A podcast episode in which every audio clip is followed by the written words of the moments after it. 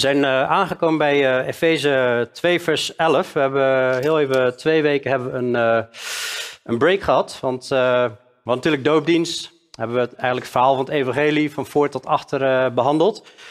En daarvoor hebben we het gehad over wetticisme. We hebben gekeken naar de verschillende wetten in de Bijbel. De wet van Mozes, de wet van Christus, de wet van de geest van het leven in Christus.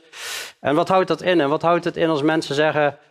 Je moet niet wettisch bezig zijn. Er allemaal verschillende definities daarvan. En waarom? Omdat we geëindigd waren in Efeze 2, vers 10. Uh, wij zijn zijn maaksel geschapen in Christus Jezus om goede werken te doen. Die God van tevoren bereid heeft opdat wij daarin zouden wandelen. Maar wat voor werken zijn dat dan? Want zijn bepaalde werken moeten we niet doen en andere moeten we wel doen. Staat er in de Bijbel. Maar even een uh, refresh, omdat het alweer twee weken geleden is. de titel voor vandaag, dat is in Christus zijn we dichtbij. Wij die ver af waren, zijn nu dichtbij gekomen. Nou, hoezo ver af, dat, dat gaan we zo bekijken. Maar wat hebben we daarvoor behandeld? In hoofdstuk 1 begon het eigenlijk met gezegend zij de God en Vader van onze Heer Jezus Christus, die ons gezegend heeft met alle geestelijke zegen in de hemelse gewesten in Christus. En in hoofdstuk 1 tot en met hoofdstuk 2, vers 10, hebben we allemaal geestelijke zegeningen gezien. En God wil ons echt volpompen in onze gedachten met allemaal zegeningen, zodat we echt opgebouwd worden. En, en, en dat, ja, dat je eigenlijk bewapend bent en weet van, oh, dit is wat mij is overkomen, zodat je er ook in gaat wandelen. Hij zegt, we zijn uitverkoren, we zijn heilig, we zijn nu smetteloos, we zijn in de liefde, we zijn voorbestemd als zijn kinderen. We hebben de verlossing, we zijn een erfdeel, verzegeld met de Heilige Geest. We zijn een erfenis en we hebben de geest van wijsheid tot onze beschikking. En openbaring in het kennen van Hem verlicht de ogen van uw verstand, zodat we de hoop mogen weten, de rijkdom en de kracht die in ons is. En uh, vervolgens hebben we ook nog gekeken naar God die rijk is aan barm barmhartigheid en genade. Door zijn grote liefde heeft Hij ons opgewekt uit de doden en in de komende eeuwen laat Hij zijn goede tierenheid zien over ons. Dus een hele rijke, hele rijke hoofdstukken zijn dit. En toen in Efeze 2, vers 1 tot 10 en wat hier aan vooraf gaat, hebben we gekeken, maar, hè, zei Paulus, maar wacht even. Dit is wel waar je vandaan komt. Je was dood. Je kon niet horen, je kon niet zien, je kon niet het geestelijke eten. Je was dood in de zonde, onder de macht van de Satan. Maar God heeft ons opgewekt en tot leven gebracht. We waren onder de macht van de aanvoerder in de lucht, onder de macht van de Satan. Er staat hier in Efeze 2, uh, vers uh, eh, 2 op, op het eind. dat uh, we waren onder de macht van de geest die nu werkzaam is in de kinderen van de ongehoorzaamheid. En heeft hij het over dat we de, de wil van het vlees deden. En we waren van nature waren we kinderen des toorns. We waren hatelijk naar anderen. We waren in opstand naar God, hatelijk naar God. En tegelijkertijd ook gezien dat de toorn van God, die rust op ons als we ongehoorzaam zijn aan God. Dat staat in Johannes 3, vers 36. En dat die dief, de, Satan, die komt alleen maar om te, te stelen, te slachten en verloren te laten gaan. Die wil de mensheid kapot maken. Maar Jezus is gekomen opdat de mensen leven hebben en overvloed.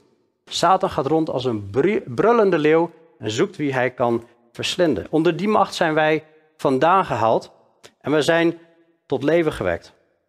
En dit is uit genade gebeurd. Uit genade ben je gered, zalig geworden door het geloof dat niet uit u, het is de gave van God. Niet uit werken, zodat niemand zou roemen. En dan zijn we zijn maaksel geschapen in Christus om goede werken te doen. Zijn maaksel hebben we gekeken, dat, dat is een product, een poema in het Grieks, een, een poem in het Engels. dat is een product. Hebben we gekeken naar die Bugatti Chiron, die recentelijk dat wereldrecord heeft gevestigd in de snelste auto die op de legaal is op de, op de straat. 490 kilometer per uur. Wat je eraan hebt, weet ik niet precies, maar uh, in Nederland straks 100 kilometer per uur. Hè? 16, bijna, 1600, bijna 1600 pk heeft die auto. Maar de fabrikant heeft die auto niet gemaakt om voor de deur neer te zetten en ernaar te kijken en om te kunnen zeggen: Zo, dat is een mooie bak. Dat is gaaf, zo'n product. We hebben ook gezien dat hij heel duur was. 3,5 miljoen euro, exclusief BTW. Ze zijn ook in goedkoper varianten, 2,5 miljoen euro. gelukkig. Maar ja, het gaat er niet om hebzucht te creëren hier, helemaal niet. Maar waar het om gaat is, wij zijn zijn maaksel. Wij zijn veel duurder gekocht, geschapen in Jezus om goede werken te doen. De kracht van de Heilige Geest zit in ons. De kracht van die opstanding, om de zonde, om de dood te overwinnen. En die is veel groter en we zijn met een duurdere prijs betaald. Maar er is nog iets wat Paulus wil dat wij gaan beseffen. Dat we gaan bedenken in hoofdstuk 2, vers 11, waar we beginnen vandaag. Bedenk daarom, als je dit allemaal weet, moet het volgende bedenken. Dit is een opdracht, dit is een gebod. Door Paulus geschreven, maar heel de schrift is door God ingegeven. Dus God geeft hier een gebod dat wij nog meer moeten gaan bedenken om te beseffen waar komen wij vandaan.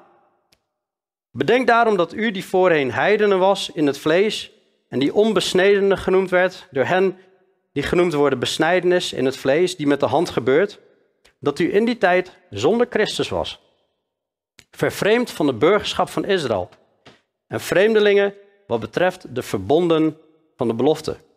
U had geen hoop en was zonder God in de wereld. Maar nu, in Christus Jezus bent u, die voorheen ver af was, door het bloed van Christus dichtbij gekomen. Want hij is onze vrede, die beide één gemaakt heeft en door de tussenmuur, die scheiding maakte, door die af te breken, heeft hij de vijandschap tussen Israël en, en, en de heiden in zijn vlees teniet gedaan, namelijk de wet van de geboden die uit bepalingen bestond, opdat hij die twee in zichzelf tot één nieuwe mens zou scheppen en zo vrede zou maken. En opdat hij die beide in één lichaam met God zou verzoenen door het kruis waaraan hij de vijandschap gedood heeft. En bij zijn komst heeft hij door het evangelie vrede verkondigd aan u die veraf was en aan hen die dichtbij waren. Want door hem hebben wij beide door één geest de toegang tot de Vader. Nou, dat is super uh, goed nieuws. Alleen, ja, goed, dan begint het met die, met die besnijdenis. Bedenk daarom dat u die voorheen heidenen was in het vlees en die onbesneden genoemd werd, door hen die genoemd worden besnijdenis in het vlees, die met hand gebeurt, dat u in die tijd zonder Christus was. En waarom begint hij daar nou zo mee? Waarom begint hij nou met de besnijdenis? Ik weet niet, weet, iedereen, weet iemand niet wat de besnijdenis is? Iedereen weet dat? Oké, gelukkig hoef ik dat niet uit te leggen. en anders vraag het even je vader en moeder. Maar is in ieder geval een bepaald lichaamsdeel wat je normaal niet laat zien aan een ander. Bij de man, daar wordt op als je acht dagen oud bent, wordt een stukje weggechakt. dat is niet fijn, dat is niet fijn. Ja, zo zeg ik toch vrij netjes of niet? Uh, ja? Maar waarom? Waarom moeten we dit bedenken? Waarom moeten we hier aan denken? Wat heeft dit. Oké, dan hebben we hierover nagedacht. Er zijn mensen die zijn besneden en er zijn mensen die zijn onbesneden. En, en, en dan begint hij over, in die tijd was u zonder Christus. Waar, waarom is dit zo'n ding? Dat is, goed om een beetje in de geschiedenis te duiken. Hoe, hoe zat dat nou eigenlijk toen met, uh, met, uh, met de Joden? Nou, eigenlijk als je het hebt over de besnedenen en de onbesneden. De besnedenen waren de Joden. En de onbesnedenen, dat waren de heidenen. En de Joden die zagen de heidenen eigenlijk als onreine mensen. Als varkens, als honden. Zo, zo werden de heidenen gezien. En dat zie je op heel veel plekken terug. Dan zie je bijvoorbeeld als de Joden op een gegeven moment Jezus willen laten kruisigen, brengen ze Jezus naar Pilatus en dan willen ze het gerechtsgebouw niet in. Waarom willen ze het gerechtsgebouw niet in? Want er zijn heidenen. Want de volgende dag zou het Pascha zijn en dan, waren ze, zouden ze verontreinigd worden. Uh, Jezus laten vermoorden, dat kon dan prima, maar in ieder geval dat, dat gerechtsgebouw in en ons verontreinigen met die heidenen, dat kon niet. En dan zie je op meer plekken, je ziet dat bijvoorbeeld ook in Handelingen 10. als uh, Petrus op een gegeven moment, hij krijgt dat laken te zien, allemaal van die dieren, onreine dieren. Petrus, sta op, slacht en eet. Hoort hij een stem uit de hemel zeggen. Nee, dat ga ik niet doen. Ik heb nog nooit iets onreins gegeten. Tot drie keer toe. Ga nu barbecuen, zegt hij. Maar uiteindelijk heeft dat een betekenis, want God wil hem, uh, hem duidelijk maken: ik heb al het vlees gereinigd. Zowel die dieren, er waren allemaal voedselwetten, daarom konden ze bepaalde onreine dieren niet eten. God heeft alles gereinigd, maar ook de heidenen. De, de, er is nu toegang tot het evangelie. Zij kunnen ook de Heilige Geest gaan ontvangen. Zij zijn rein. En dan zie je heel sterk op het moment dat hij daar aankomt bij Cornelius, die, uh, die man, hè, God, God maakt hem duidelijk dat hij naar die man toe moet gaan, naar Cornelius uh, en, en zijn huis. En dan komt hij daar binnen, hij zei tegen hen, u weet dat het een Joodse man niet toegestaan is om met iemand van een ander volk om te gaan of bij hem binnen te gaan. Hij, hij begint zich helemaal te verontschuldigen van, ja, ik kom hier wel binnen, maar ja, je, je weet dat dat normaal niet goed is, maar God heeft mij laten zien dat ik geen mens onheilig of onrein mag noemen. En God had natuurlijk sowieso wel Israël een plek gegeven om apart gezet te worden van de, van de heidenen. Maar goed, de Israëlieten konden natuurlijk ook wel zelf nog weer een schepje bovenop doen. Maar nu is alles heilig en rein. En dan ontvangen die mensen die dag, Petrus die vertelt over het werk van Christus en, en, die, en dan valt de Heilige Geest op die, die mensen en dan zie je dat de heidenen ook toegevoegd worden aan de gemeente van God. En als je dat zo leest in, in, in handelingen, dan denk je, nou, eerst heb je uitstorting van de Heilige Geest bij Pinksteren, dan komt hij bij de Samaritanen, bij de halfjoden. En dan, nou, je krijgt het gevoel alsof dat een week later is dat hij dan bij de heidenen komt. Maar er zit alweer een paar jaar tussen, hè, tot dit uh, gebeurt. Dus ze waren al een beetje gewend aan de situatie dat het evangelie voor de Joden was. En dan gebeurt er dus dit. En, maar dan moet Petrus, die moet nog terug, die moet nog terug naar de apostelen in Jeruzalem. En de apostelen en de broeders die in Judea waren, hoorden dat ook de heidenen het woord van God aangenomen hadden. En toen Petrus naar Jeruzalem gegaan was, bestreden zij, die van de besnijders waren, bestreden hem. Wat doe je nou? Je bent, je bent, ben je bij die heidenen naar binnen gegaan? En ze zeiden, u bent binnengegaan bij mannen die onbesneden zijn. En u hebt met hen gegeten. Dat was echt wel een dingetje. Nou, dan legt hij het hele verhaal uit wat God hem duidelijk heeft gemaakt. En dan komen ze een beetje tot rust, tot kalmte. En uh, dan beseffen ze in één keer, wauw, de deur is ook open gegaan voor de heidenen. Gelukkig maar, dat zijn wij. Wij zijn die besnedenen. nou, Israël was natuurlijk een volk, apart gezet. En eigenlijk om zijn naam bekend te maken. In Exodus 9, hè, wanneer die, die, die, die plagen over uh, Egypte plaatsvinden, dan zegt uh, God, juist hierom heb ik u, de farao, laten bestaan om mijn kracht aan u te tonen, zodat mijn naam bekendgemaakt zal worden op heel de aarde. En wie ging die naam bekendmaken? Dat waren de Joden. Die gingen die naam bekendmaken. In Deuteronomium 28 vers 9 zie je, de Heere zal u voor zichzelf bevestigen tot een heilig volk, zegt hij tegen Israël.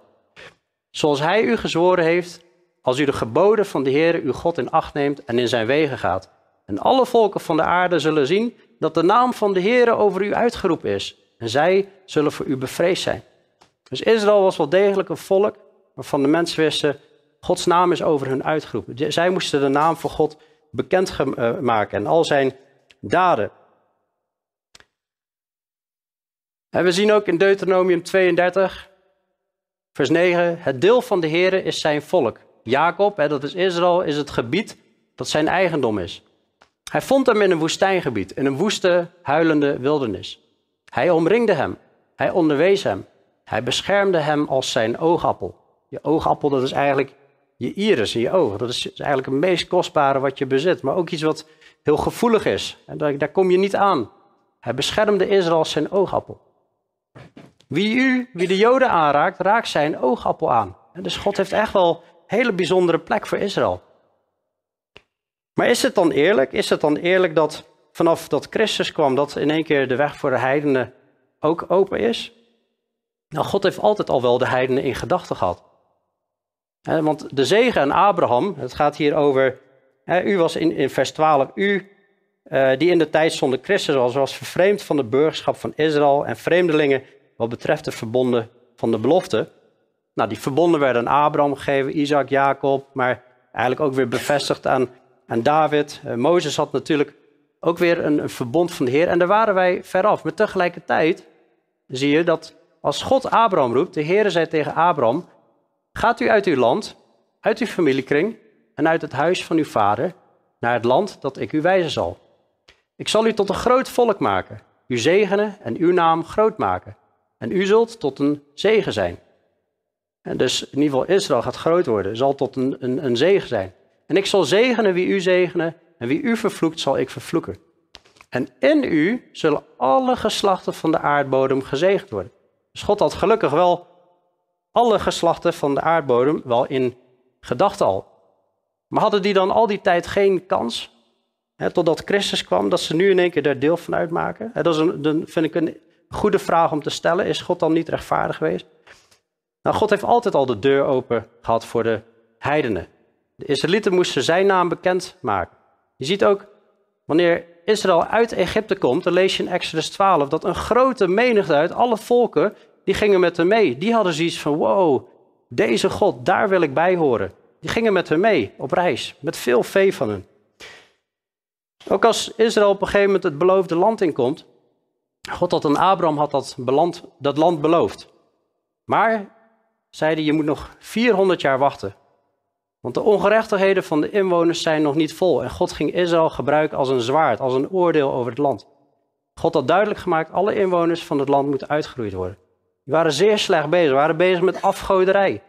Ze waren kinderen aan het offeren, aan hun afgoden. Verschrikkelijk was het. Maar net voordat het volk het land binnengaat, en Jozua, die neemt het volk het land mee in. De eerste stad waar ze komen, dat was Jericho. En wat is het bijzondere wat daar gebeurt? Ze sturen twee verkenners op pad. En die verkenners, die moeten op een gegeven moment gaan schuilen, want de soldaten zitten achter hen aan. En dan is het een, een, een hoer, Ragab, een heidense vrouw die die verkenners verbergt. Zij vreest God. En dat is het huis wat blijft staan. Dus een, eh, terwijl God eigenlijk zegt, die, die heidenen moeten daar in het land uitgeroeid worden, is het God zelf die genade toont aan de heidenen. Bij de allereerste stad. En dus God is altijd genadig geweest. En mensen mogen altijd zich voegen bij het volk Israël. Dat is ook gebeurd. En zo iemand heette dan een proseliet. Dan bekeerde je tot het jodendom. En dat heet een proseliet. Dus dat is even wat achtergrondinformatie. Dit moeten wij bedenken. Wij moeten bedenken waar we vandaan komen. In vers 1 tot 10 had hij al, al, gezegd: je, was, je was dood, maar God heeft je opgewekt. Hè? Dat, dat moet je sowieso ook bedenken. Maar bedenk daarom dat u, die voorheen heiden was in het vlees, hè, jullie die, die onreine, die, die, die, die varkens of die, die honden, zeg maar. En in de Tweede Wereldoorlog was dat ook een, een scheldwoord hè, in Duitsland. Naar de Joden, Schweinehund. Nou, dat was echt een grote, een zware belediging als je een Jood zo noemde. Dat was verschrikkelijk. Maar wij waren eigenlijk hè, die onbesneden, die onreine. En we waren zonder Christus. Vervreemd van het burgerschap van Israël. Stonden op zo'n ongelooflijke afstand. En vreemdelingen wat betreft de verbonden van de belofte. In dit vers volgens mij, in die vreemdelingen of vervreemd, volgens mij in de Engelse Bijbel staat aliens. Hè? Is that right? aliens. We were aliens. Vreemde wezens. Ten opzichte van Israël. Ten opzichte van de verbonden van de belofte. U had geen hoop en was zonder God in de wereld. Dat is wel interessant, want Efeze was vervuld met goden, afgoden. Helemaal vol. En toch staat hier zonder God. En ook in onze tijd roepen zoveel mensen, ja, wat maakt het uit joh, in welke God je gelooft? Als je maar gewoon gelooft, het is toch allemaal hetzelfde joh? Is allemaal... Nee, hij zegt hier, al die afgoderij was je gewoon zonder hoop, zonder God. Niet wetend, waar kom ik uit? In Hebreeën 2 lezen we over dat, dat mensen uh, gedurende heel hun leven met, met, over, eigenlijk overmand zijn door angst voor de dood. Dat is geen, er is gewoon geen hoop. En al die religies, die zeggen allemaal je moet goede werken doen, als jij maar goed doet. Maar wij kunnen niet goed doen in de ogen van God. Eén zonde en je bent niet meer goed. Geen hoop, zonder God in de wereld. Op een enorme afstand. Maar nu. En elke keer als Paulus begint met maar nu, dan krijgen we een wending in het verhaal, gelukkig maar. de vorige keer was het, u was dood, maar God, die rijk is in barmhartigheid, heeft door zijn grote liefde waarmee hij ons lief gehad heeft, ook toen wij dood waren, de overtredingen met Christus levend gemaakt. Uit genade bent u gered. Prijs de Heer. Maar nu, niet meer op afstand, we zijn in Christus. En dan bent u die voorheen ver af was, door het bloed van Christus dichtbij gekomen. Waarom? Omdat we gereinigd zijn. Het bloed van Christus reinigt ons van alle zonden. Hoe dichtbij zijn we gekomen? We zijn in Christus. En Christus is God. Dus we zijn in God. Dichterbij kan volgens mij niet, hè, dat je in God bent. En Jezus is onze vrede, vers 14. Hij is onze vrede. En als je kijkt naar het eind van vers 15, hij is niet alleen onze vrede, maar hij heeft ook vrede gemaakt. Hij heeft vrede gemaakt tussen die grote afstand tussen Jood en Heide. Dus als Jezus niet gekomen was, waren wij nog steeds op afstand. Als Jezus niet gekomen was, moesten ook de Joden, die moesten dan nog steeds naar Jeruzalem om te offeren. En dan moesten wij ons, als wij bij God wilden horen, ons bekeerden tot Jodendom. En dan moest ik mijn oom in Israël gaan bellen. Ja, ik heb weer gezondigd. Kun je, een, uh, misschien weer een, lammetje offeren daar? En, uh, dat was een dure business. Nee, gelukkig is dat allemaal niet meer zo. Hij is onze vrede die beide één gemaakt heeft. En door de tussenmuur die scheiding maakte af te breken, heeft hij de vijandschap in zijn vlees niet gedaan. Namelijk de wet van de geboden, die uit bepalingen bestond, opdat hij die twee in zichzelf tot één nieuwe mens zou scheppen en zo vrede zou maken. Het is geweldig wat God gedaan heeft. Er was een muur, de wet van de bepalingen, eh, sorry, de wet van de geboden die uit bepalingen bestond. Je hebt allemaal geboden. En het ene gebod bepaalt dit en het andere gebod bepaalt dat.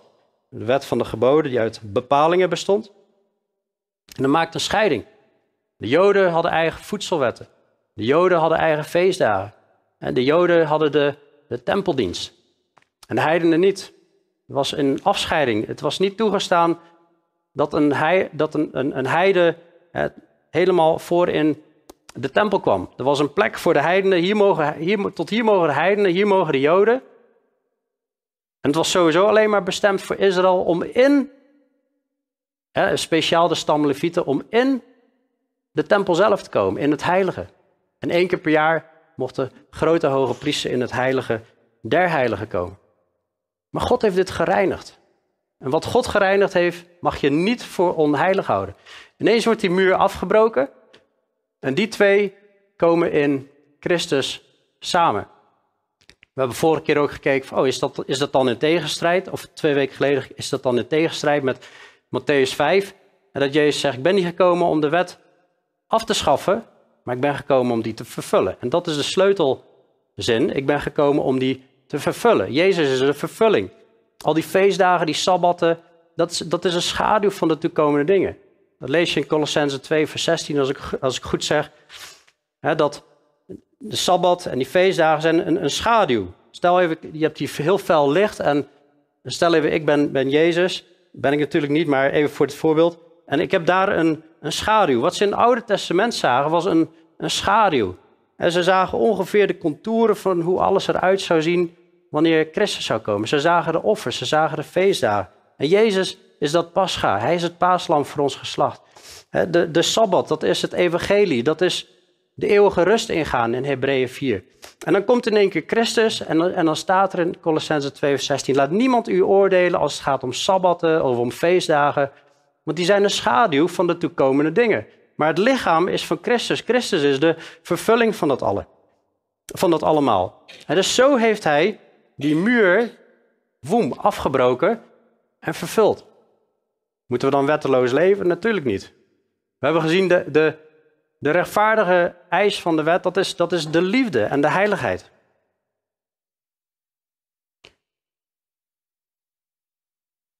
Gaat het goed met Astrid? Oké. Ze heeft van de week een uh, lamp op haar hoofd gehad, dus een lichte hersenschudding. Uh. Nou, Heer, wilt u haar kracht geven. Amen. We hebben ook even samenvattend naar die, naar die preek over de wet gekeken. Nou, stel dit is God. En dit is het hart van God. Is de wet van God weerspiegelt het hart van God. En dat zien we terug in de wet van Mozes. Maar hij was nog imperfect. Die offers waren niet perfect. Waren een tijdelijke bedekking. En Jezus neemt de zonde volledig weg. Het was zwak. Het waren schaduwen. En door die wet zagen we, oeh, wij zijn schuldig. Er zit een oordeel in. En de heidenen komen ook niet weg, want die hebben de wet in hun hart. En dat is het geweten. Daar rust ook een oordeel op. En dan komt Christus, die vervult de wet. En die laat zien, ik kan hem helemaal perfect en volmaakt houden, die wet. En die zegt, en nu maak ik discipelen. En die kunnen, die kunnen dat ook gaan doen. Die kunnen mij volgen daarin. Door het geloof is de deur open. En Jezus neemt die muur eigenlijk weg. Die muur, die afscheiding die we hier zien. En dan vallen we onder de wet van de geest van het leven in Christus. Romeinen 8, vers 2. Die maakt ons vrij van de wet van de zonde en de dood. Dat is een volmaakte wet, die is krachtig. Ineens is de Heilige Geest, komt in ons.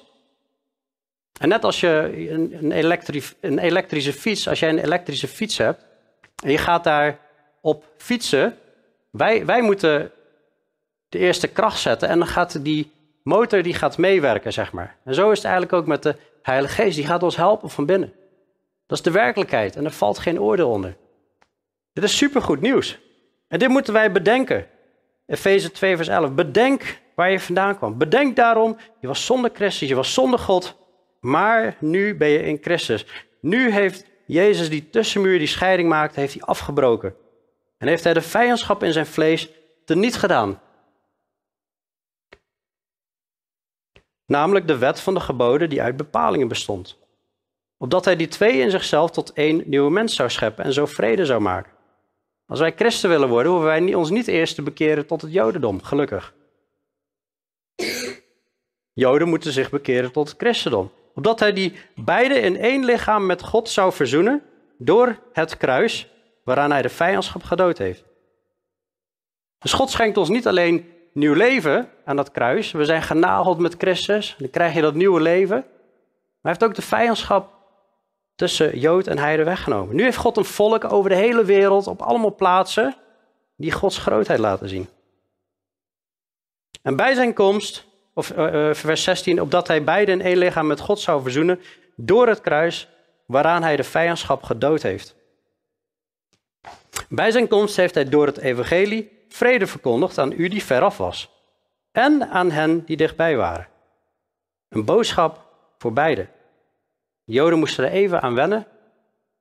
Misschien hebben wij niet zo heel veel Joden hier in ons midden, maar wat mooi, als die hier in ons midden zouden zijn, dat we geen ruzie meer hebben. En dat was bij de eerste kerken was dat natuurlijk aan de orde van de dag. Hè? Eh, heel veel Joden en heidenen waren samen in één gemeente.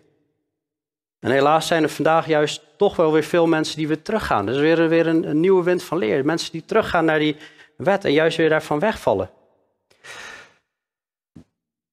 Vers 18 zegt, door hem hebben wij beide door één geest de toegang tot de Vader. Dus Jezus heeft het evangelie verkondigd. We hebben vorige keer een hele, hele preek bij stilgestaan. Wat is het evangelie? Jezus Christus, Christus kwam om ons te vergeven van de zonde. Als we wel eens hebben gelogen of gestolen of Gods naam verkeerd gebruikt. Met lust naar een vrouw gekeken die begeert in, in, in ons hart. Hè? Dan zijn we zondig. Jezus komt om in onze plaats de prijs te betalen. Hij neemt de zonde op zich. Zodat we niet verloren gaan naar een eeuwige pool van vuur. Maar juist dat God ons die heel ver af waren dicht bij zich neemt en dat we ineens toegang hebben tot de Vader. En dan zie je dus aan het kruis, aan het kruis sterft Jezus en het voorhang scheurt en de toegang is open. En wie had gedacht dat ooit die onreine heidenen ooit toegang zouden hebben tot het heilige de heilige. Die weg is nu open. Door hem hebben wij beide door één geest de toegang tot de Vader. Dat is een enorme rijkdom. Bedenk dat. We moeten bedenken waar we vandaan kwamen. Als wij bedenken waar we vandaan kwamen, als wij weten wat onze geschiedenis is, misschien niet zozeer geschiedenis van nu, maar de geschiedenis van de heidenen, dan moeten we hier diep van onder de indruk komen en denken: wauw, God heeft echt een groot werk gedaan. Dit is echt bijzonder. En dan zegt hij in vers 19: Zo bent u dan niet meer vreemdelingen en bijwoners, maar medeburgers van de heiligen en huisgenoten van God.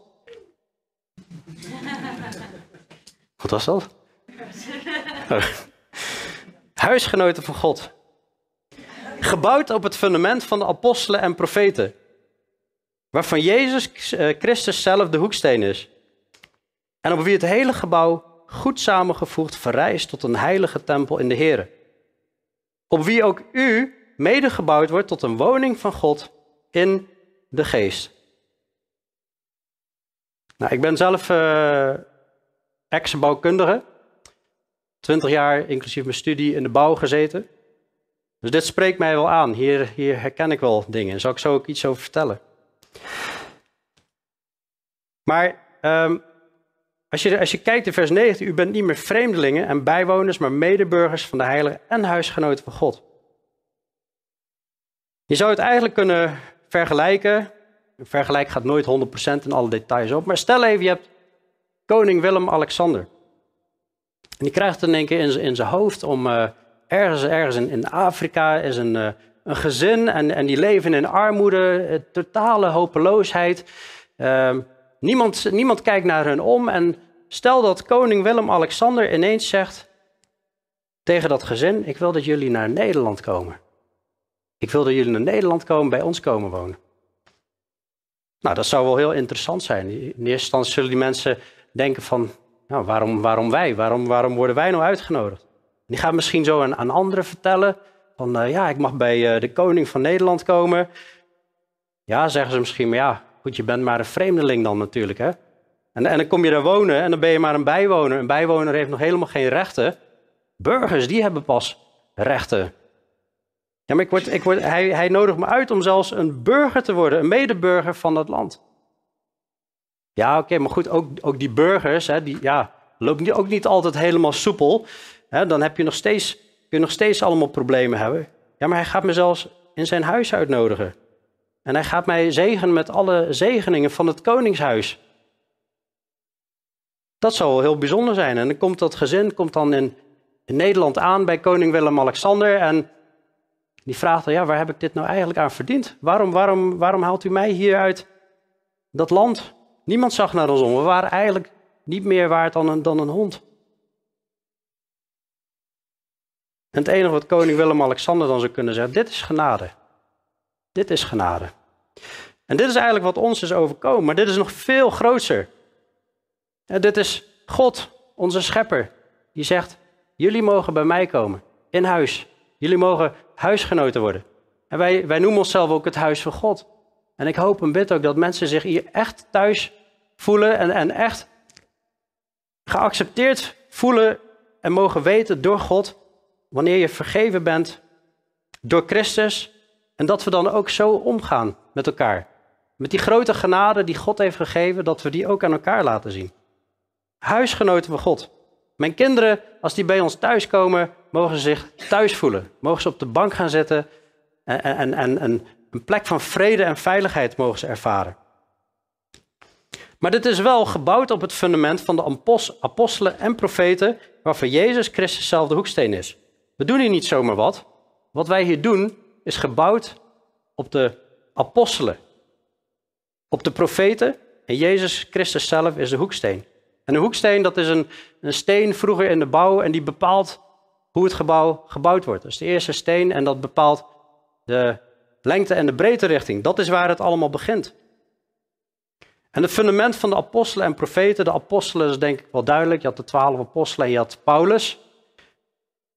De eerste christenen die volharden in de leer van de apostelen. En de profeten, dat is even niet helemaal duidelijk. Dat wordt hier niet uitgelegd. Je hebt natuurlijk Oud Testament profeten en je hebt Nieuw Testament profeten.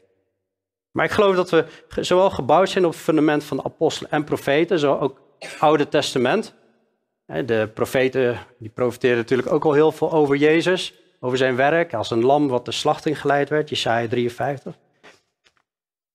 Maar er zou net zo goed ook de Nieuw Testament profeten mee bedoeld kunnen worden. Het woord van God, het Nieuwe Testament, is gebouwd op de apostelen. Er zijn apostelen die de brieven schrijven. Maar Lucas was bijvoorbeeld geen apostel.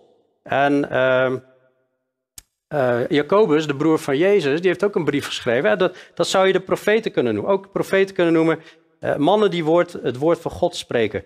In 1 Korinthe 14, vers 3, er staat iemand die profeteert, die spreekt woorden van vermaning, opbouw en troost. Of vers 4 of vers 3, zoiets. En daarop zijn we gebouwd.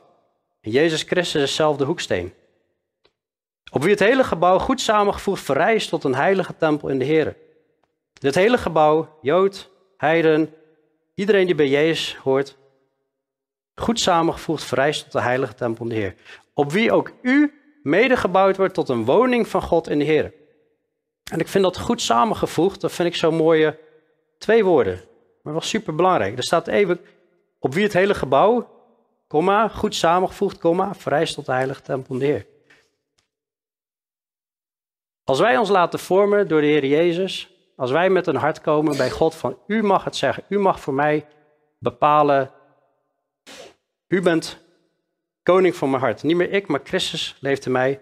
dan worden we goed samengevoegd. Dan zijn we bereid om niet mijn wil vast te houden, maar zijn wil. Nou, ik kom uit de bouw en dat is natuurlijk echt een, een groot genot voor het uitvoerende team als de bouwdelen op de bouw komen en het, past gewoon goed samen. Maar als het niet samen past, we kwamen wel eens op de bouw en uh, we zaten wel eens in de directiekate en dan uh, zat ik samen met de uitvoerder en dan hoor je in één keer op de bouw. Dat is een geluid van de breekhamer. En als je geluid van de breekhamer hoort op de bouw, waar je iets nieuws aan het bouwen bent, dan is het meestal niet goed. Het moet goed samengevoegd worden. En als we dat niet doen, dan moet soms die breekhamer gebruikt worden. Weet je wat zo mooi is in 1 Koningen 6? Dan zie je de bouw van de tempel van Salomo. En dan staat ja dat valt waarschijnlijk alleen een bouwkundige op, maar er staat er één zo vers. Dan staat er, er werd geen geluid van hamers en van bijlen gehoord. Want alles was goed geprepareerd. Alles was goed op de bouw aangeleverd. Nou, dat is voor mij ondenkbaar. Een bouw waar alles samenkomt en alles past gewoon. Heel bijzonder is dat. Dat is wat God wil. Dat wij hier samenkomen. En volgens mij wijst hij hier al vooruit naar hoofdstuk 4. Op wie het hele gebouw goed samengevoegd vereist tot de heilige tempel in de Heer. In hoofdstuk 4, vers 1 tot 3. Daar zie je zo roep ik de gevangenen in de Here u op tot een wandel die de roeping waarmee u geroepen bent waardig is. In alle nederigheid en zachtmoedigheid met geduld door elkaar in liefde te verdragen. Om u te beijveren om de eenheid van de geest te bewaren door de band van de vrede. Eenheid van de geest. We goed samengevoegd zijn. God heeft die vijandschap weggehaald tussen Jood en Heide. Waarom zouden wij dan nog vijandschap met elkaar moeten hebben? En als wij ons laten bouwen op het fundament van de apostelen en profeten en Jezus woorden, dan worden we goed samengevoegd. Maar helaas zie je ook wel eens mensen die toch net even wat anders willen bouwen. Denk van, nou, ik kan wel een eigen fundatie bedenken. Of ik kan wel eens een keer zonder de fundering proberen en daar gaan bouwen. Ik kan je garanderen, dan gaan, dan gaan er scheuren ontstaan in het bouwwerk. Dat gaat niet goed. Dat kan niet. Je kunt niet met twee soorten fundamenten werken. Nou, in de Bijbel zie je heel veel over de bouw. 1 Petrus 2, vers 1. Leg af alle slechtheid, alle bedrog, huigelarij, afgunst, alle kwaadsprekerij. En verlang vurig als pasgeboren kinderen naar de zuivere melk van het woord, opdat u daardoor mag opgroeien. Indien u tenminste geproefd hebt dat de Heere goede tieren is. En kom naar hem toe als een levende steen. Kom uh, naar hem toe als naar een levende steen die wel door de mensen verworpen is. Jezus werd door de mensen verworpen. Maar bij God is hij uitverkoren en kostbaar. En dan wordt ook u zelf, net als Jezus, als een levende steen gebouwd tot een geestelijk huis, tot een heilig priesterschap. Wat is nou het verschil tussen zo'n steen hier en een levende steen? Deze steen die kan niks. Die zit hier gewoon te zitten, al, uh, ja, weet ik veel, 50, 60 jaar.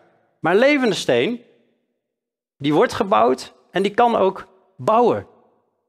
Je wordt gebouwd tot een geestelijk huis, tot een heilig priesterschap, om geestelijke offers te brengen die God welgevallig zijn door Jezus Christus. En dan lees je verder in vers 9, er staat, u bent een uitverkoren geslacht, een koninklijk, een koninklijk priesterschap. Wat God eigenlijk eerst tegen Israël zei, zegt hij nu tegen de gemeente. Een heilig volk, een volk dat God zich tot zijn eigendom maakte.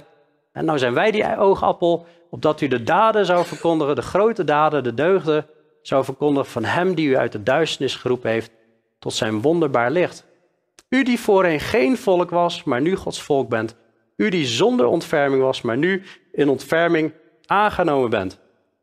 En ook in 1 Timotheus 3, vers 15, er staat: Voor het geval dat ik langer wegblijf, weet u, nu, weet u nu hoe men zich moet gedragen in het huis van God. Dat is de gemeente van de levende God, zeil en fundament van de waarheid. Hier houden wij de waarheid omhoog. En we moeten opletten hoe we bouwen. En zo zie je dat Jacobus en Kefas, dat is Petrus en Johannes, die werden geacht steunpilaren te zijn. Zijn wij steunpilaren? Zijn wij bouwstenen die God echt goed kan gebruiken, waar we op kunnen rekenen, die betrouwbaar zijn, die vurig van geest zijn, die, die zich laten inzetten door God, die goed passen in zijn bouwwerk? Ook 1 Korinther 3, ik zal niet al die teksten ervoor halen, zegt Iedereen moet toezien hoe hij op dat fundament bouwt. Want je kunt bouwen met goud, zilver of edelmetalen, of met hout, stoppels en stro. Ieders werk zal beproefd worden door het vuur heen. Als je werk blijft staan, dan zul je loon ontvangen. Als je werk verbrand wordt, dan zul je schade lijden. als door vuur heen. Maar zelf zul je behouden worden. We kunnen echt groot loon ontvangen. Dat is wat God zegt. Als we bouwen op zijn manier. En wat leven we toch in een tijd waar aan elk fundament van Christus, elk fundament van de apostelen wordt geschud. Als je het hebt over homoseksualiteit. Als je het hebt over de rol van vrouwen binnen de gemeente. Als je het hebt over de schepping. Is dat nou zes dagen of miljoenen jaren? Elk, eh, pak maar op en er is wel weer iets anders en er wordt geschud aan de fundamenten. Dat horen wij niet te doen. We horen op het fundament van de apostelen en de profeten te bouwen en dat als waarheid aan te nemen. Ja, en waarvan Jezus Christus zelf de hoeksteen is. Anders krijg je scheuren in het bouwwerk. Wij worden gebouwd tot een woning voor God in de geest. De juiste bouwplannen gebruiken, dat is zo belangrijk. Ik heb zoveel narigheid gezien op de bouw.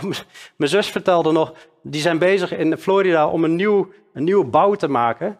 En dat de partij die de maatvoering moest doen om het fundament te leggen, de maatvoering verkeerd heeft gedaan. Nu ligt de riolering overal verkeerd en dat is drama. Verkeerde bouwplannen of fouten maken in de bouw is dramatisch.